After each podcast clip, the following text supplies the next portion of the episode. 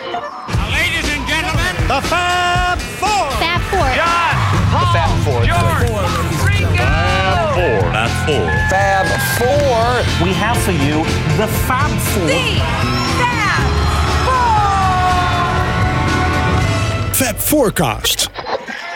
Fab Forecasters, wij zitten hier eh, in deze ingelaste uitzending, een bonusaflevering eh, kunnen we het maar noemen, eh, bij de Wisseloord Studios in Hilversum. En wij komen net uit een luistersessie voor het nieuwe White Album Box. En wij zijn dit keer eh, niet Michiel, maar wel. Jan Kees. Anne?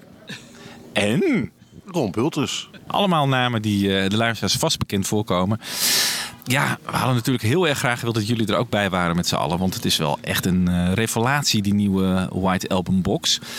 Ehm, ja, het begon eigenlijk een beetje. Ik kwam hier binnen en eh, ik stond te praten met eh, wat mensen. En toen kwam de, eh, ja, de manager van Universal Nederland, denk ik dan maar.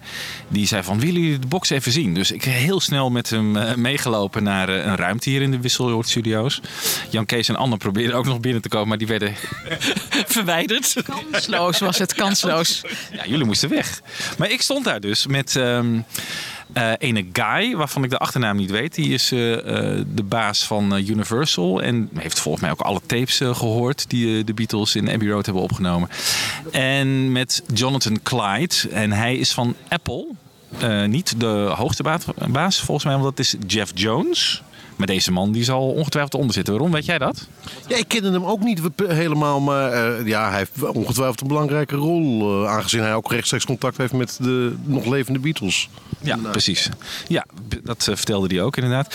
En nou ja, ik heb die box dus kunnen zien. En het is een, ja, een groot, uiteraard wit ding. Een beetje een soort een klein koffietafelboek lijkt het wel. Daaromheen zit hard plastic. Met daardoor, dat is eh, doorschijnend. En daarvoor eh, zitten dan de foto's van de vier Beatles. Van de, eh, van de foto's die bij de White Album zitten, die jullie allemaal wel kennen. En de achterkant zijn dan de, de nummers, de tracklisting. En die haal je eraf en dan sla je het boek open. En het is heel mooi opgemaakt. Veel opstellen, waaronder van Kevin Howlett. Ehm, ook een stuk zag ik even met ehm, de context van 1968 erbij. Natuurlijk met de, de rellen in Parijs. Daar wordt ook even een stukje over gedaan. En heel veel track-by-track analysis en eh, onbekende foto's. Heel veel bekende ook, maar ook een aantal die ik niet kende. Ja, het wordt eh, echt smullen op eh, 9 november. En eh, nou, toen gingen we met z'n allen de luistersessie in, in de grote studio van Wisseloord. En eh, we begonnen met een praatje van die Jonathan en Guy. En we kregen toen als eerste de Easter demo's te horen. En Anna die heeft driftig zitten noteren. Dus het lijkt mij handig als jij zegt, wat, wat hoorden we eigenlijk als eerste ook alweer? Wat we gehoord eh, hebben van eh, de demo's, dat is eh, Back in the USSR, Sexy Sadie, Not Guilty, Opladi en Child of Nature. Die in één serie achter elkaar werden die gespeeld. Ja, nou, eerste indruk. Ik was het meest onder de indruk van deze Easter demo's. Van de hele luistersessie eigenlijk. En wat ik er zo mooi aan vond is ehm, dat de ruis uiteraard is weggenomen. En dat we voor het eerst eh, in stereo kunnen luisteren naar eh, dat eh, ontstaansproces van het album. En wat je hoort is ehm, de helderheid. De tamboerijn bijvoorbeeld in Back in the USSR die heel erg naar voren komt. Alsof er iemand naast je staat tamboerijn te spelen. En de backing vocals. Ehm, ja, was ik zeer van onder de indruk. Jan Kees? Ja, Wiebo, wij keken elkaar even aan, want het was wel interessant. We zeiden al vooraf, zouden ze... Hè, want eh, als je ze nu beluistert van de bootleg... dan lijkt het wel of, het, of, of eh, de A- en de B-spoor niet helemaal synchroon loopt. Hè?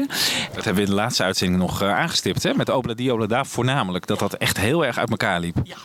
Dus wij waren beide heel erg benieuwd. Hebben ze dat weer gelijk gelegd? En ze hadden het gelijk gelegd. Hè? En nou klinkt het wel fantastisch, vind ik hoor. Ik ben er toch blij om, want we hadden daar even een discussie over. Kun je dat doen? Hè? Want het is natuurlijk tegen eh, de historische werkelijkheid in. En je doet eh, de geschiedenis een beetje geweld aan eigenlijk. Maar in wezen klinkt het wel ongelooflijk mooi. Ik vond het echt, wat dat betreft, dat was voor mij een eye-opener. Echt, eh, ja, en hoe keek jij er tegenaan? Ik vond eh, eh, met name Obla Di Obla Da ook wel... dat het nu gelijk gelegd werd. eh, het, het luistergenot in ieder geval wel verhogen. Ik vond hem eigenlijk best wel leuk. Ehm, wat hadden we nog meer? Child of Nature. Die vond ik ook heel erg mooi. En Not Guilty, ja, dat viel mij nu op hoeveel die versie lijkt op die solo-versie die, die George later zou opnemen. Ik denk van, hoezo hebben ze dan die rockversie geprobeerd? Dit was echt perfect geweest. Ik zie jou knikken, Ron. Ja, nou, ik, ik, mijn eerste indruk toen ik hoorde van ah, de Easter Demos zitten er weer bij. oh god, die heb ik al 14 keer, weet je. Dat, daar, heb ik, daar heb ik helemaal niks meer mee. Ook omdat het zo inderdaad zo beroerd klinkt op al die bootlegs. Ehm, maar nu ik inderdaad het in stereo hoorde en, en echt helemaal opengetrokken, was ik inderdaad met name van Not Guilty eh, erg onder de indruk. Het lijkt inderdaad bijna perfect de, de, de versie die, eh, die Harrison Solo opnam. En ja, het klinkt gewoon als een klok. En ook die andere eh eh Easter demos die wij hoorden klonken gewoon prachtig. Welke hadden we nog meer? Was het Cry Baby Cry die eh, erbij zat? Of Sexy Sadie was het? Ja, Sexy Sadie. Nou goed, dat waren de Easter demo's. Daarna kwamen eh, er vijf volgens mij outtakes van eh, de drie cd's die in de box zitten met allemaal ja, van, eh, van de sessies. Eh, Anne, jij hebt het opgeschreven. Welke hebben we gehoord? Ja, er komen de notulen weer. Eh, Cry Baby Cry hebben we gehoord. I Will. Julia. While My Guitar Gently Weeps. En Good Nights. Good Night, ja. En daar had ook al een artikel over in Rolling Stone eh, gestaan. eh, wat ons allemaal eh, nou ja, heel erg deed uitkijken naar deze sessie. Want, wat was het geval? We horen Ringo Starr zingen. Met de drie andere Beatles om hem heen staand. In een soort jaren 50 meerstemmig. eh, nou ja, eh, een hele mooie zoete deken van meerstemmigheid om hem heen. Wat je wel hoort is natuurlijk wel weer een beetje flauw om te zeggen. hoe zwak Ringo Starr is als zanger. En hoe goed die andere drie waren.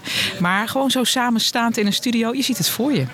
Ze ondersteunen hem echt dan. Hè? Dus als, als het gewoon een broeders zijn, zo klinkt dat. Ja, en er wordt dan getokkeld à la eh, de fingerpicking die ook op Dear Prudence zit. Dus niet met piano.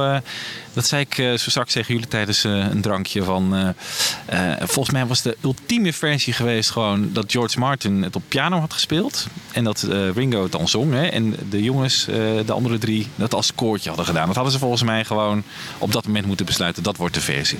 Maar goed. Ja, ik heb nog even gevraagd ook hè, of ze op zoek zijn gegaan naar de demo. Want die, die noemt George Martin, die noemt Richard Lush, die noemt Ringo Starr. Dat, ze, dat Ringo heeft een demo gekregen van John waarop hij het, hele nummer zingt. Hè? En, en iedereen zegt altijd als John het zelf zong, was het op het allermooiste. Maar ze, ze hebben, zijn er niet naar op zoek gegaan. Dus dat vind ik wel erg jammer. Dus dat vertelden de heren mij. En dat, dat, ehm, dat speet me eigenlijk. Want ik denk dat Ringo hem gewoon thuis heeft liggen. eh, op, een, eh, op, op een tapeje of op een eh acetate. Maar ehm, ja, voor mij was echt het hoogtepunt Cry Baby Cry eh, van deze luistersessie. Omdat het in een bluesy-achtige versie was. En ik dacht, die vind ik misschien nog wel mooier dan eh, de uiteindelijke versie. Ik vond hem zo mooi. Ik was echt zwaar onder de indruk van deze Cry Baby Cry. Ja, je hoorde echt dat het een versie was, waar, een van de eerdere denk ik, dat ze echt nog aan het uitproberen waren. En George af en toe wat bluesy likjes eh, deed. Ja, die was inderdaad heel erg mooi. Hé, hey, maar je had het net over dat gesprek met een van die mannen. Zullen we daar even naar luisteren? George Martin once spoke about a beautiful demo John made for Ringo from Good Night. Did you try to find it with John singing Good Night? Um, there are two versions of Good Night, if not three, on the outtakes. Uh, you you heard one today, which was the one with the harmonies, and there's a couple of others which are false starts. I imagine. I'm not sure the one he's referring to. It's very hard. We don't know the answer to everything. It's only the people who are there know the answer to everything. We could ask Guy. I'll ask Guy because he was more involved in the research process than I was.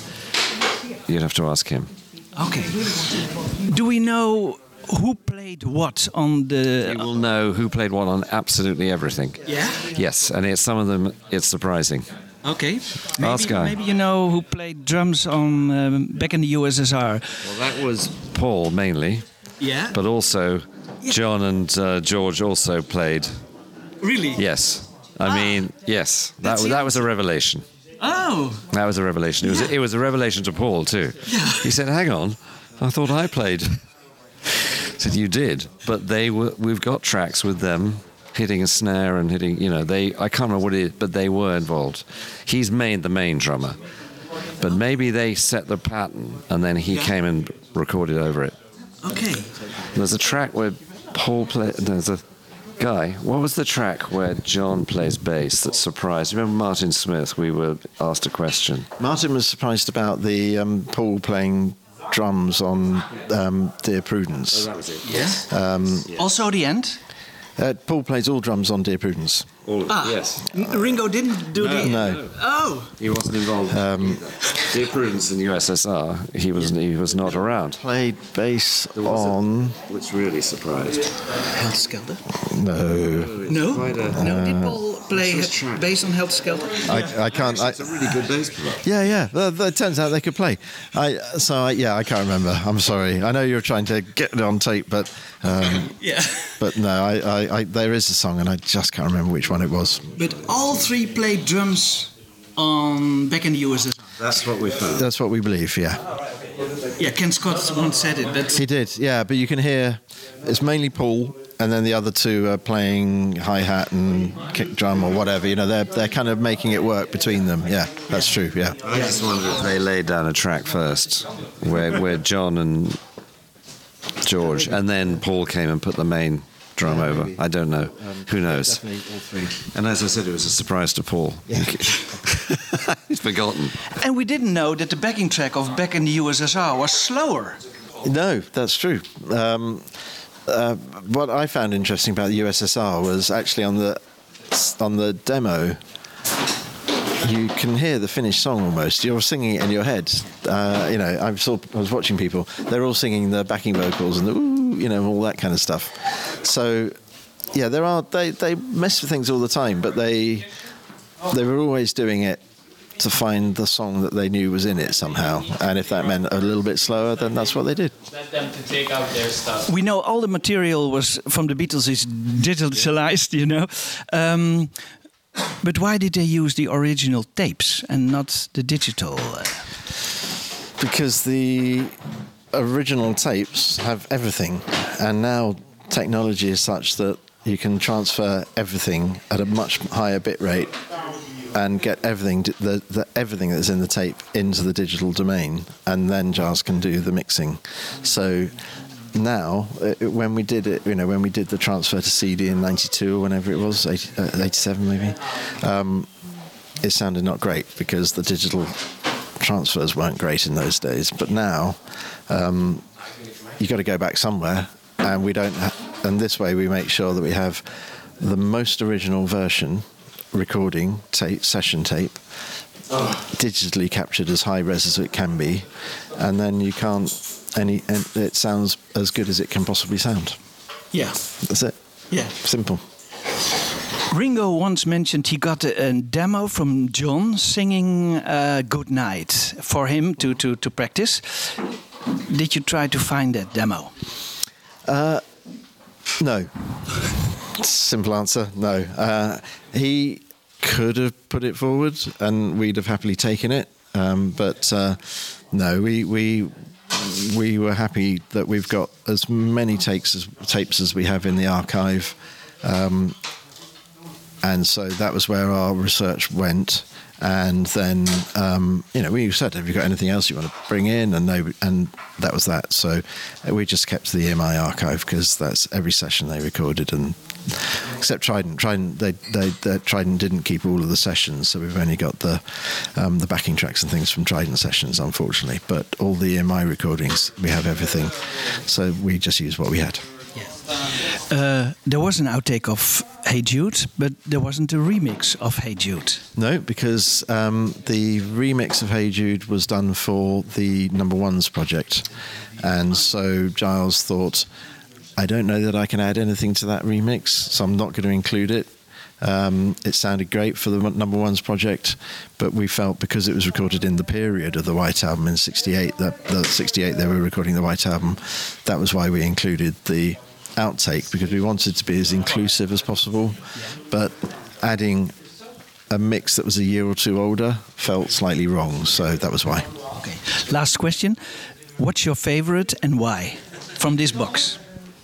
I really like Not Guilty as the uh, demo. I really like a lot of the demos. Um, I think Long, Long, Long has become one of my favourites. Uh, well, just because uh, the on the album that we know is kind of loud and quiet, loud and quiet. Here, it's got a huge amount of resonance, and it feels you feel it building, and then then it, it, it somehow got emotion rather than just volume. So that's one of the things I really like. And actually, I must admit, I really like the blues version of Helter Skelter. De heren waren heel toegankelijk. En zijn, lijkt mij ook bijna halve fans. Dat vind ik wel heel erg leuk. Dus, eh, Halve fans, het baart mij zorgen. ze, ze, ze hebben natuurlijk een, een soort eh, professionele distantie. Hè? Van, eh, maar aan de andere kant, ze kunnen er ook enorm van genieten. En dat vind ik wel heel erg leuk. Dus dat, dat merk je wel aan de heren. Dus ze vinden het na 50 jaar ook nog allemaal heel bijzonder. Het is niet alleen dat het, dat het commercieel is voor hen interessant. Maar ze, ze genieten er persoonlijk ook van. Jij moet even vertellen over Julia. Want daar heb jij van genoten. Ja, dat was voor mij het hoogtepunt, Julia. Want dat vertelde zij van tevoren. ehm, dat ze een tape hadden in het archief en daar stond op blank tape. Dus ja, Mark Lewis heeft er destijds ook niet naar geluisterd. Ik dacht, ja, er staat toch niks op. Maar een van de mannen van dit project, die dacht, ja, ik ga toch luisteren. En inderdaad, was het 20 minuten lang stilte. Maar op het eind zat John die Julia aan het spelen was, aan het uitproberen was. Dus dat was eigenlijk nooit naar boven gekomen als die man niet even gewoon die blank tape ging luisteren.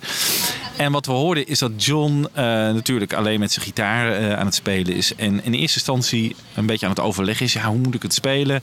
Eh, zal ik het even gaan strummen? Dus gewoon met, met een slaggitaartje in plaats van dat tokkelen in het begin. Dus dat probeert hij even. En dan denkt hij van, nou ja, nee, ik ga het toch even... Want het is it's, hard to sing, zei hij ook nog. En toen heeft hij dus de tokkelversie gespeeld. Ja, heel. En hoor je ook van wat voor goede zanger John was en hoe moeiteloos hij dat ook dan zingt en speelt tegelijk. Ik denk van, goh, wat prachtig. En weer Paul in de, hè, bovenin de recording eh, room. Hè, dus die, die, hem, die hem aanmoedigt en die wat, die wat dingen tegen hem zegt via de talkback over de studio. Heel mooi, heel mooi. Zeker heel mooi, ja. Hey, en Ron, wat vond jij van de outtakes? Ja, ik, het- zoals ik, ik stond ook even met die, met die guy te praten. En die, die, die zei ook, hè, de, de, de eerste keer dat ik het hoorde, I got all choked up. En ik had hetzelfde eigenlijk. Dan zit je nog notabene met allemaal mensen om je heen. En dan voel je gewoon je, je keel samenknijpen. Als je inderdaad Lennon met het grootste gemak lijkt het zo mooi Julia hoort zingen. Of inderdaad McCartney, eh, I Will. Maar daar kenden we wel wat out, outtakes van. Maar sowieso, ja, ik hou in wat jij, wat jij net zei ook. Hè, over die, die, die eh, ja, zo'n zo'n bluesy versie die dan compleet anders is. En log en, en, en eh, er zitten fouten in. En net als in One My Guitar Gently Weeps. Wat op een gegeven moment ook helemaal ontspoort. Omdat eh, eh, George eh, als Smokey Robinson probeert te, zingen zoals hij zelf zegt. Ja, daar hou ik van. Dat, is gewoon compleet anders eh, dan, dan, dan we, we kenden. En het is compleet nieuw voor het oor. En het, het is alsof je inderdaad eh, een fly on the wall bent en in de studio erbij bent. En dat, ja, dat, dat blijf ik fa- fascinerend vinden. Jaron, wat vond je van, wat vond je van Clapton op deze outtake van eh While My Guitar? Dat vind ik wel mooi, want ik vind je hoort duidelijk dat Clapton inderdaad nog zijn weg aan het zoeken is. Hè? En oh, je hoort dat ook trouwens van Paul, die dan al een beetje dat, dat, dat, dat piano-introotje, maar hij heeft het nog niet helemaal eh, in de smiezen.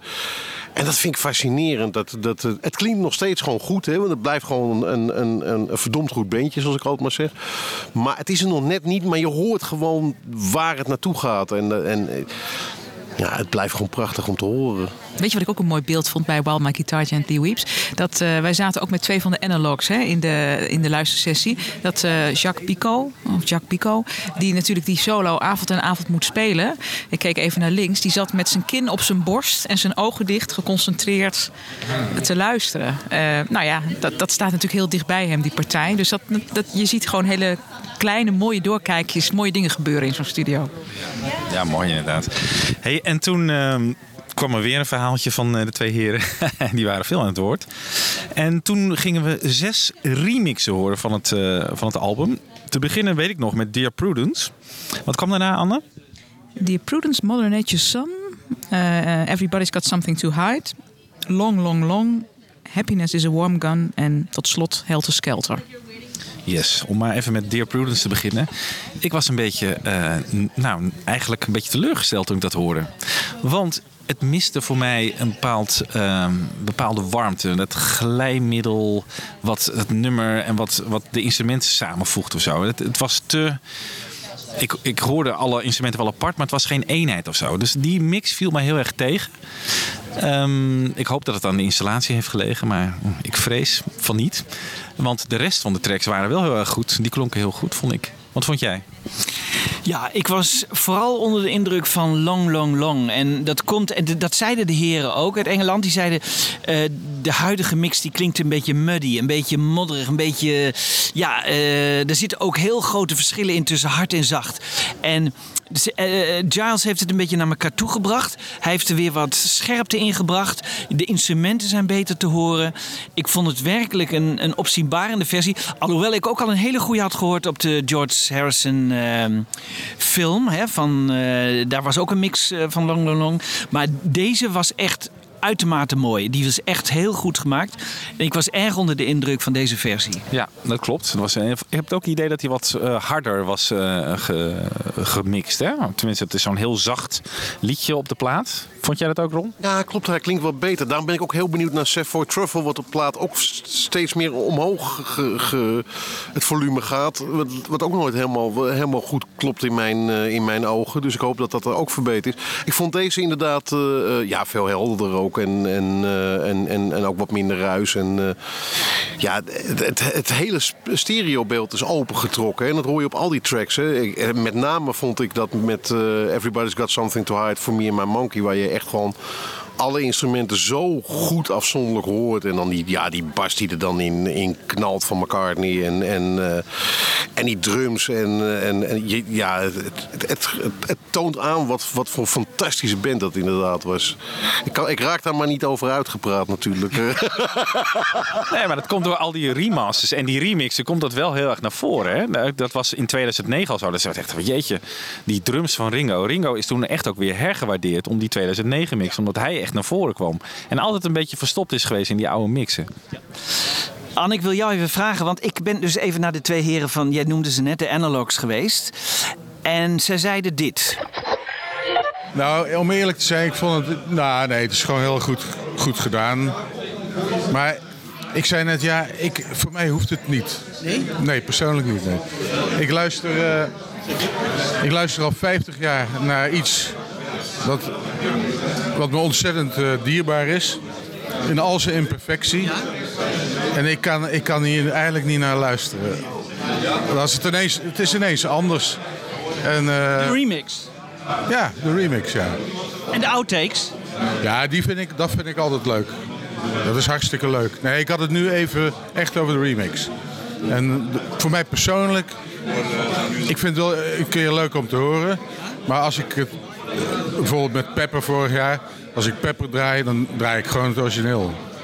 Gewoon de, de gewoon wat ik, eh, dat, dat is, zit in me, wat, zeg maar. Nu kun je toch spreken, hè? He- Helter Skelter. Eh, daar, eh, wie speelt daar bas op? Is dat Paul of is dat John? Eh, u speelt het ook, hè? maar voor uw gevoel, hè? Wie, want daar zijn de meningen verdeeld over. Het zou, ja, het zou heel goed John kunnen zijn, ja. Want het is, het is ongelooflijk slordig gespeeld. ja, het is echt... je denkt wel eens van, ja wie, wie, wie, ja, wie zou dat gedaan hebben? Maar dat zou heel goed George, eh, John kunnen zijn, ja. ja want eh, Paul McCartney is over het algemeen wel ietsjes eh secuurder. Maar ja, ik weet het ook niet zeker. Ik speel hem in ieder geval ge- live wel. En u? Wat is uw mening over eh, wat u vandaag hebt gehoord? Ehm, ja, het is, eh, er, is, er is hard aan gewerkt, dat hoor ik. Ja, het is wel opengetrokken. Maar het is ook wat Bart zegt, van, je bent zo gewend om het te horen zoals je het al, heel lang kent.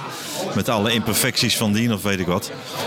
Dat het, dat het wel even wennen is om het op deze manier te horen. Ik hoor ook eh, moderne onderkant, weet je wel. Laag, sublaag zeg maar. Dat, eh, dat hoeft voor mij niet. Ja, zo ken ik die plaat niet. Dus, ja.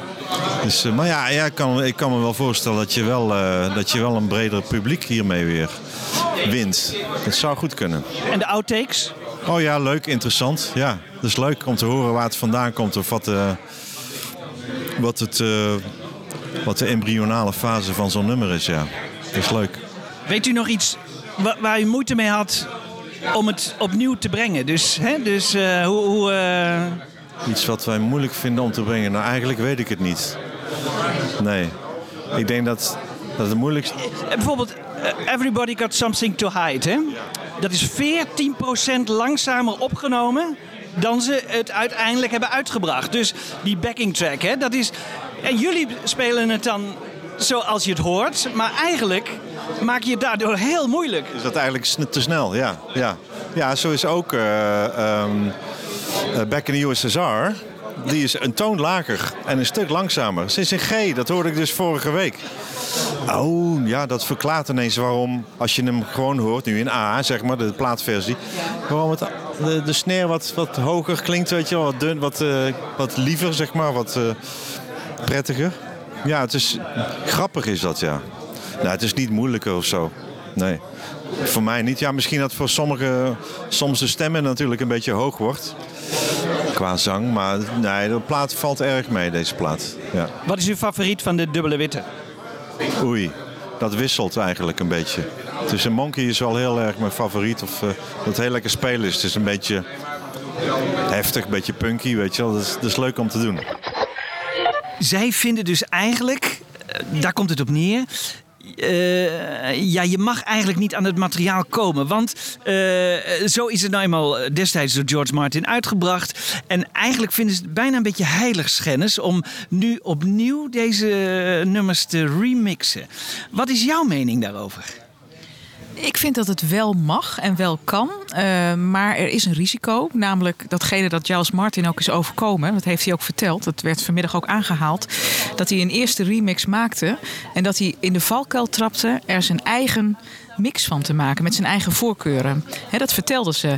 Hij heeft het geloof ik vlak voor kerst of zo eh, gemixt en hij liet kerst er overheen gaan en hij is na kerst opnieuw begonnen omdat hij dacht nee, ik moet het sonisch, of hoe zeg je het, uitbreiden en ik mag er niet mijn eigen mix van maken. Dus er zit een enorm spanningsveld tussen eh, eh, hou je het zoals het bedoeld is en eh, kalefaat je het op, gewoon qua geluid? Of ga je er je eigen sausje overheen gieten? En zo, zolang je bij dat historische materiaal blijft, denk ik dat het moet kunnen. En dat je ook mensen van nu, ons allemaal, ook een, eh, dit moet gunnen om te horen hoe, hoe goed die band was. Ja, helemaal mee eens. Ik denk ook, het kan ook naast elkaar bestaan, toch? Als je echt van die oude mix houdt, ga dan lekker eh, je vinylplaatje uit de kast halen. Wij willen dit.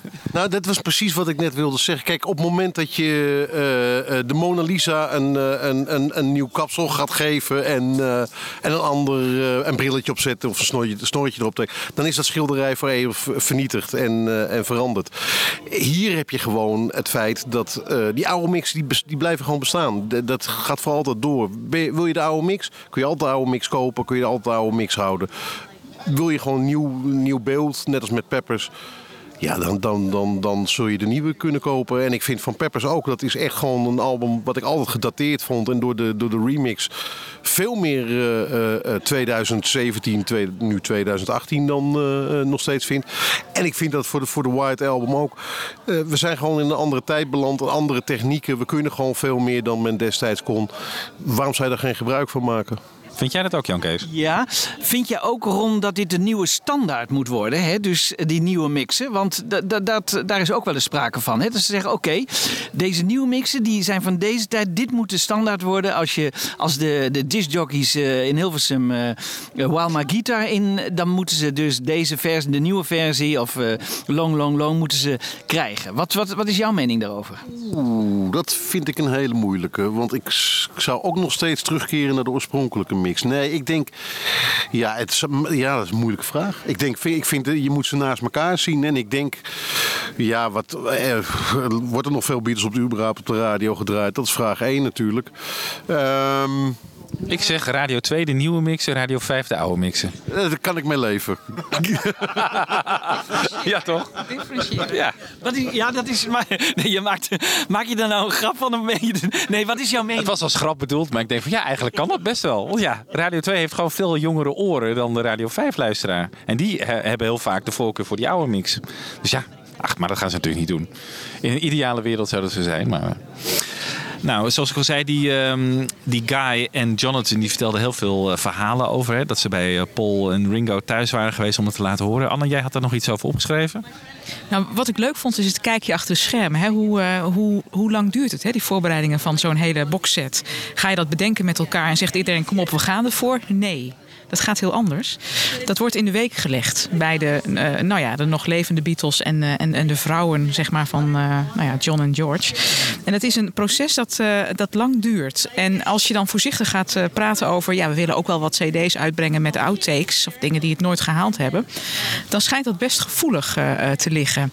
En zo is het zo dat Ringo Starr bij dit album vroeg: Oké, oké, komt er dan een CD met nooit uitgebracht materiaal? Mhm, wat komt daar dan op?